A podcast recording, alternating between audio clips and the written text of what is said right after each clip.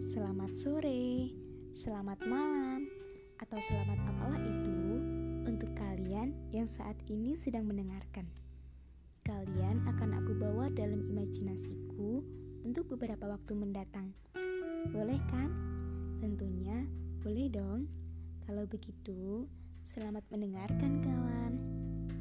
Kali ini kita akan ngobrol-ngobrol santai saja ya.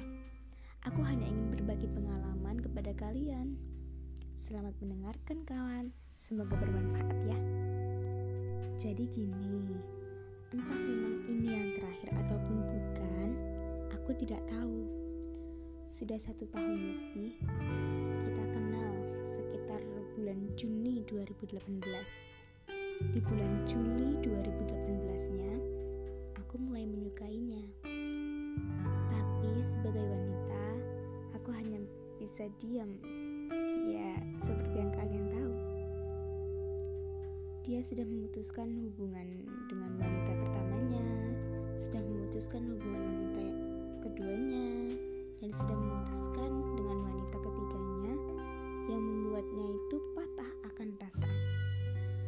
Tepat malam ini, kabar gembira untuknya dan juga jawaban atas pertanyaanku sebelumnya. Wanita pertama kembali dijadikan ratu olehnya.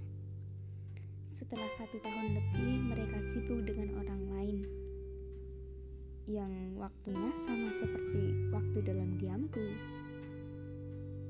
Dia seseorang yang menjadikanku percaya pada pribadiku. Dia seseorang yang selalu aku sebut di untayan doaku.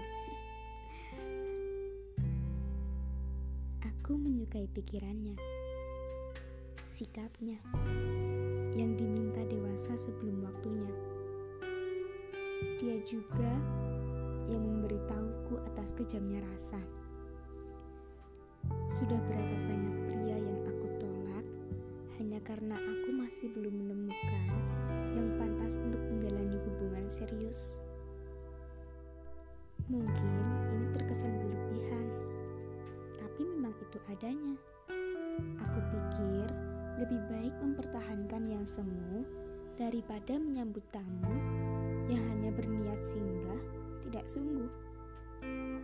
Dua wanita sudah ia jalani, dua wanita sudah aku lewati. Tapi untuk kali ini, entah wanitanya yang tidak sebanding denganku, ataukah aku yang terlalu bersabar akan rasa yang hanya dirasakan olehku. Aku juga belum mengerti apakah aku harus meneruskan pembuatan pagarnya atau balik menghadap kosong tanpa ada manusia yang aku tiru.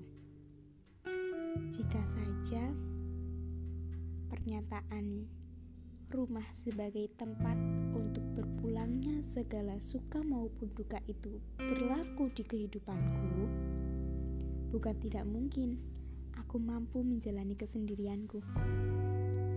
Setangguh-tangguhnya seorang wanita, ia tetap butuh kasih sayang, butuh apresiasi atas segala upayanya sampai saat ini.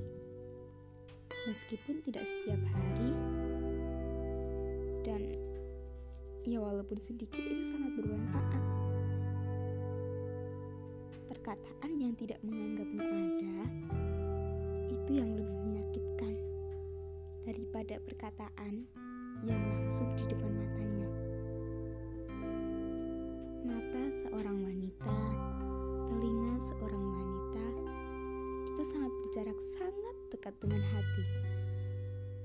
Hanya terhitung detik ketikanya mampu bekerja bersamaan. Rumah yang dikiranya nyaman, ternyata paling menyeramkan, paling menjatuhkan. Lalu kepada siapa ia berteman? Diri sendiri. Padahal diri sendiri saja sangat membutuhkan orang lain untuk saling berbagi pengalaman pribadi.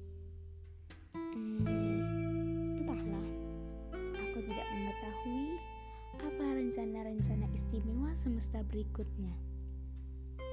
Oh iya, pesanku untuk tuan dan wanitanya, semoga kesalahan yang lalu tidak terjadi kembali ya. Langgeng-langgeng kalian berdua.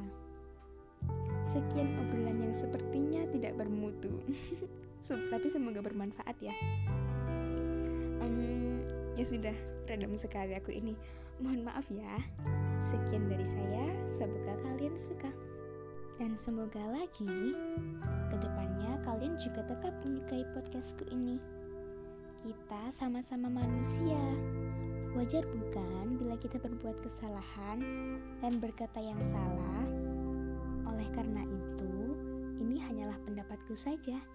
Jika kalian memiliki pendapat yang lain, mungkin kalian bisa berbagi cerita kepada teman-teman terdekat kalian. Sekian dan terima kasih teman-temanku.